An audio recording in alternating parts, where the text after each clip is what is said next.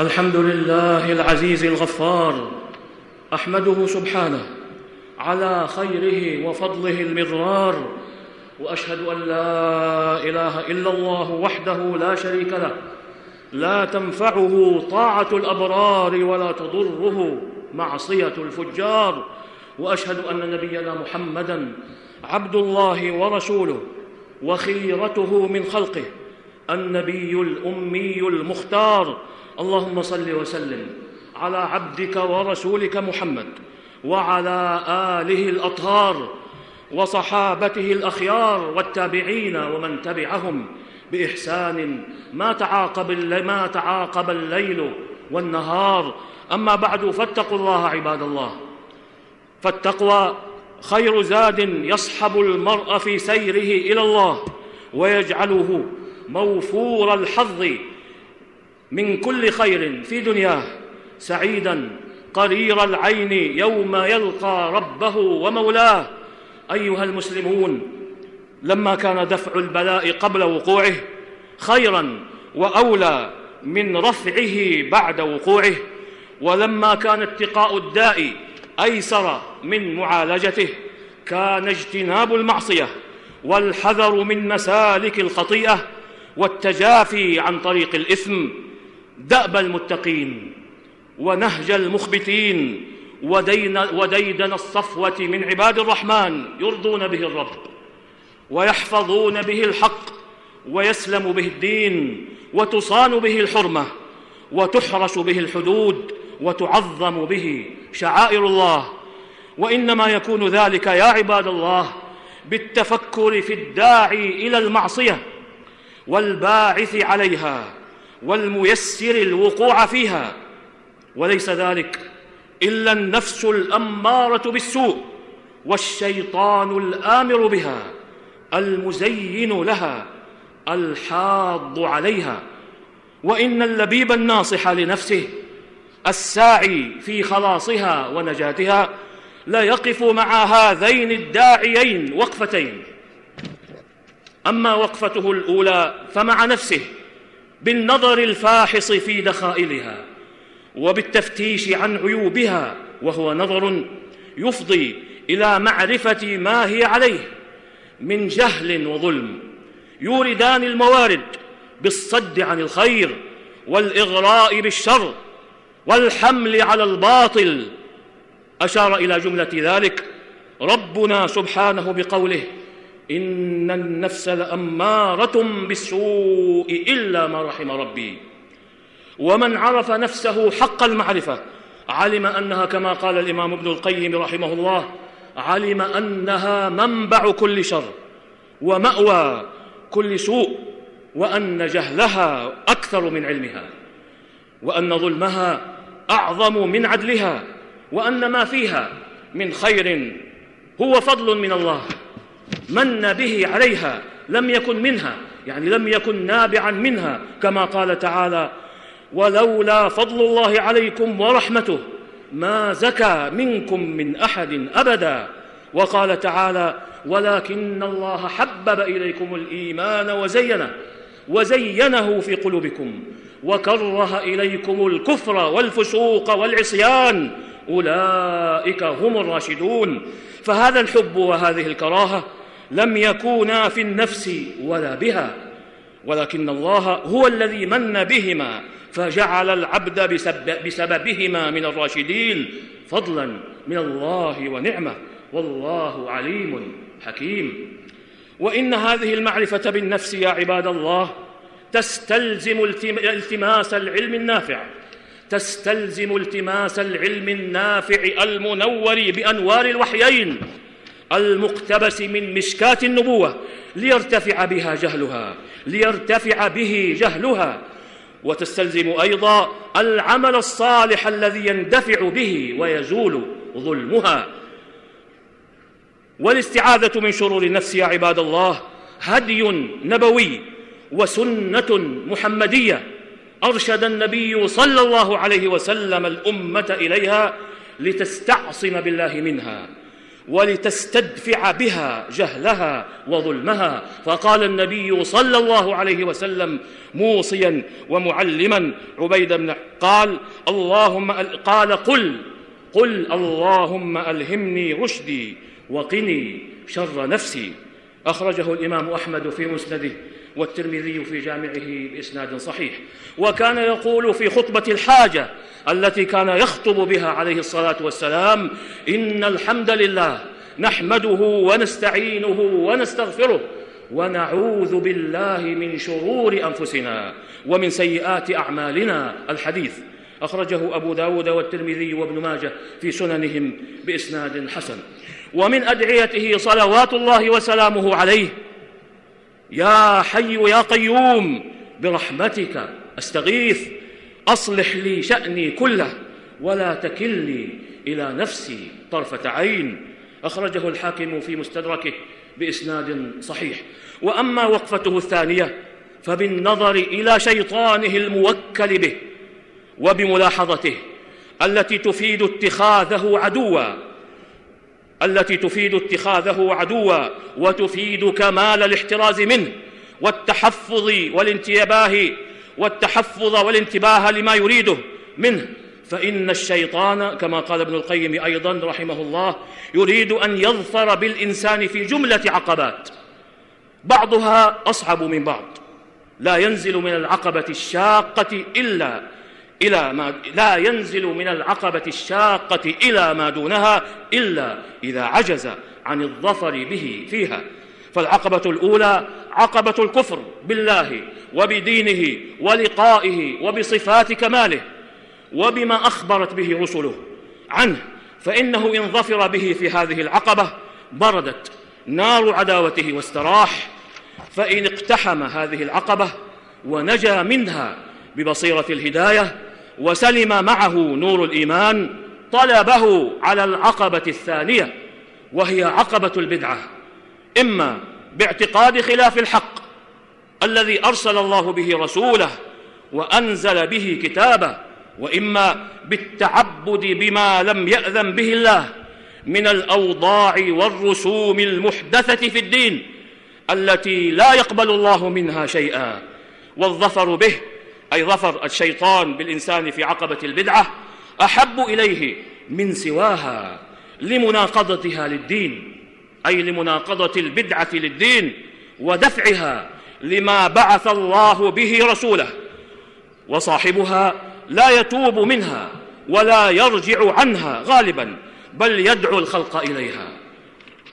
ولتضمنها القول على الله بلا علم ومعاداة صريح السنة ومعاداة أهلها والاجتهاد في إطفاء نور السنة واعتبار واعتبار ما رده الله ورسوله ورد ما اعتبره وموالاة من عاداه ومعاداة من والاه وإثبات ما نفاه ونفي ما أثبته وتكذيب الصادق وتصديق الكاذب ومعارضة الحق بالباطل وقلب الحقائق بجعل الحق باطلا والباطل حقا وبجعل الباطل حقا والإلحاد في دين الله وتعمية الحق على القلوب وطلب العوج لصراط الله المستقيم وفتح باب تبديل الدين جملة. فمفاسد البدع لا يقف عليها إلا أرباب البصائر والعميان ضالون في ظلمة العمى ومن لم يجعل الله له نورا فما له من نور. فإن قطع هذه العقبة وخلص منها بنور السنة واعتصم منها بحقيقة المتابعة وما مضى عليه السلف الأخيار من الصحابة والتابعين والتابعين لهم بإحسان طلبه على العقبة الثالثة وهي عقبة الكبائر فإن ظفر به فيها زينها له وحسنها في عينه وسوف به وفتح له باب الإرجاء. وقال له الإيمان هو نفس التصديق فلا تقدح فيه الأعمال. وربما أجرى على لسانه وأذنه كلمة طالما أهلك بها الخلق وهي قوله لا يضر مع التوحيد ذنب كما لا ينفع مع الشرك حسنة. فإن قطع هذه العقبة بمعصية من فإن قطع هذه العقبة بعصمة من الله أو بتوبة نصوح تنجيه منها طلبه على العقبة الرابعة وهي عقبة الصغائر فكان له منها بالقفزان وقال ما عليك إذا اجتنبت الكبائر ما غشيت من اللمم أو ما علمت بأنها أي الصغائر أو اللمم بأنها تكفر باجتناب الكبائر وبالحسنات ولا يزال يهون عليه أمرها حتى يصر عليها. فيكون مرتكب الكبيرة الخائف الوجل النادم أحسن حالا منه. فالإصرار على الذنب أقبح منه. ولا كبيرة مع التوبة والاستغفار ولا صغيرة مع الإصرار. وقد قال النبي صلى الله عليه وسلم إياكم إياكم ومحقرات الذنوب. إياكم ومحقرات الذنوب. ثم ضرب صلى الله عليه وسلم لذلك مثلا فقال فإنما مثل محقرات الذنوب. كقوم نزلوا بطن واد فجاء ذا بعود وذا بعود حتى جمعوا حطبا كبيرا حتى جمعوا حطبا كثيرا فأوقدوا نارا وأنضجوا خبزتهم. وإن محقرات الذنوب متى يؤخذ بها صاحبها؟ تهلك. أخرجه الإمام أحمد في مسنده بإسناد صحيح. فإذا نجا من هذه العقبة بالتحرز والتحفظ ودوام التوبة والاستغفار وأتبع السيئة الحسنة. طلبه طلبه على العقبة الخامسة وهي عقبة المباحات التي لا حرج على فاعلها فشغله بها عن الاستكثار من الطاعات وعن الاجتهاد في التزود لمعاده ثم طمع فيه أن يستدرجه منها إلى ترك السنن ثم منها إلى ترك الواجبات وأقل ما يناله منه أن يفوت عليه الأرباح والمكاسب العظيمة والمنازل العالية. ولو عرف السعر لما فوت على نفسه شيئا من القربات ولكنه جاهل بالسعر ولا نجاة له. من هذه العقبة إلا بنور هاد وبصيرة تامة ومعرفة بقدر الطاعات والاستكثار منها وخطر التجارة وكرم المشتري وقدر ما يعوض به التجار فبخل, فبخل بأوقاته وظن بأنفاسه أن تذهب في غير ربح فكان من مستبقي الخيرات المتنافسين في الباقيات الصالحات وفي ذلك فليتنافس المتنافسون. نفعني الله وإياكم بهدي كتابه وبسنة نبيه صلى الله عليه وسلم. أقول قولي هذا وأستغفر الله العظيم الجليل لي ولكم ولكافة المسلمين من كل ذنب. إنه هو الغفور الرحيم. إن الحمد لله نحمده ونستعينه ونستغفره ونعوذ بالله من شرور أنفسنا ومن سيئات أعمالنا من يهده الله فلا مضل له ومن يضلل فلا هادي له وأشهد أن لا إله إلا الله وحده لا شريك له وأشهد أن محمدا عبده ورسوله. اللهم صل وسلم على عبدك ورسولك محمد وعلى آله وأصحابه وأتباعه بإحسان. أما بعد فيا عباد الله إن العبد إذا نجا من تلك العقبات التي يطلبها ويجلس له الشيطان عليها لم تبق سوى عقبة واحدة لا بد له منها. ولو نجا منها أحد لنجا منها رسل الله وانبياؤه وأكرم الخلق عليه. وقد بينها ابن القيم رحمه الله بينها بقوله هي عقبة تسليط جند الله عليه هي عقبة تسليط جنده عليه بأنواع الأذى باليد واللسان والقلب على حسب مرتبته في الخير. فكلما علت مرتبته أجلب عليه العدو بخيله ورجله وظاهر عليه بجنده وسلط عليه حزبه. وهذه العقبة لا حيلة له في التخلص منها إلا إلا بعبودية لله لا ينتبه لها. إلا بعبودية لله لا ينتبه لها إلا أولو البصائر إلا أولو البصائر التامة وهي عبودية المراغمة ولا شيء أحب إلى الله من مراغمة وليه لعدوه وإغاظته له ولا شيء أحب إلى الله من مراغمة وليه لعدوه. وإغاظته له وقد أشار إليها سبحانه بقوله ومن يهاجر في سبيل الله يجد في الأرض مراغما كثيرا وسعة حيث سمى المهاجر إلى عبادة الله مراغما يراغم به عدو الله وعدوه والله يحب من وليه مراغمة عدوه وإغاظته. كما قال تعالى ذلك بأنهم لا يصيبهم ظمأ ولا نصب ولا مخمصة ولا مخمصة في سبيل الله ولا يطؤون موطئا يغيظ الكفار ولا ينالون من عدو نيلا إلا كتب لهم به عمل صالح. إن الله لا يضيع أجر المحسنين. فمغا فمغايظة فمغايظة عدو الله غاية محبوبة لله مطلوبة له فموافقته سبحانه فيها من كمال العبودية. وقد شرع النبي صلى الله عليه وسلم للمصلي إذا سهى في صلاته سجدتين وقال عليه الصلاة والسلام إن كانت صلاته تامة كانتا ترغيما للشيطان أخرجه مسلم في صحيحه. فمن تعبد الله بمراغمة عدوه فقد أخذ من الصديقية بسهم وافر وعلى قدر محبة العبد لربه وموالاته ومعاداته لعدوه يكون نصيبه من هذه المراغمة. وهذا وهذا باب من العبودية لا يعرفه إلا القليل من الناس. ومن ذاق طعمه ولذته بكى على أيامه الأول. وبالله المستعان. وعليه التكلان. ولا حول ولا قوة إلا بالله. فاتقوا الله عباد الله. وجاهدوا النفس والهوى والشيطان بكمال العبودية وصدق اللجأ والفرار إلى الله وصلوا وسلموا على خاتم رسل الله. فقد أمرتم بذلك في كتاب الله. إن الله إن الله وملائكته يصلون على النبي. يا أيها الذين آمنوا صلوا عليه وسلموا تسليما. اللهم صل وسلم على عبدك ورسولك محمد.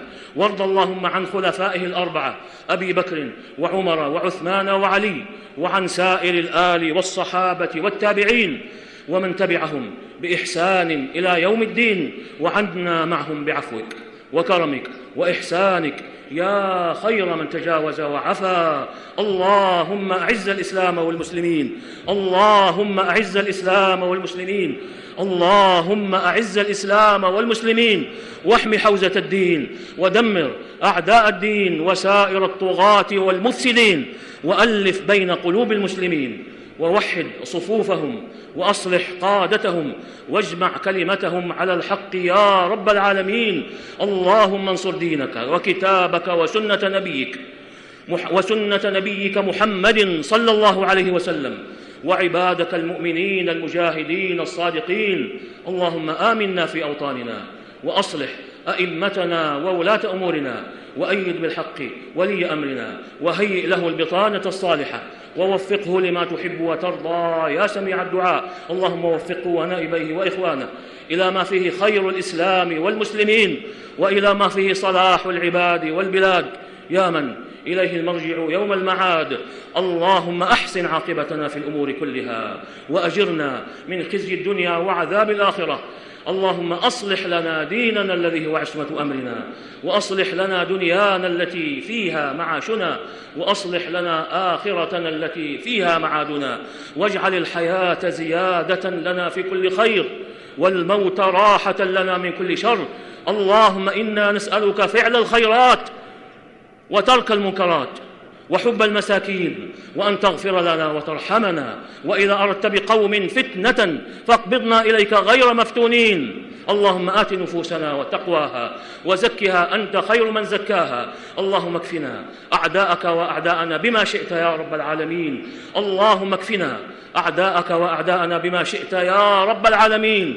اللهم اكفنا أعداءك وأعداءنا بما شئت. يا رب العالمين. اللهم إنا نجعلك في نحورهم ونعوذ بك من شرورهم.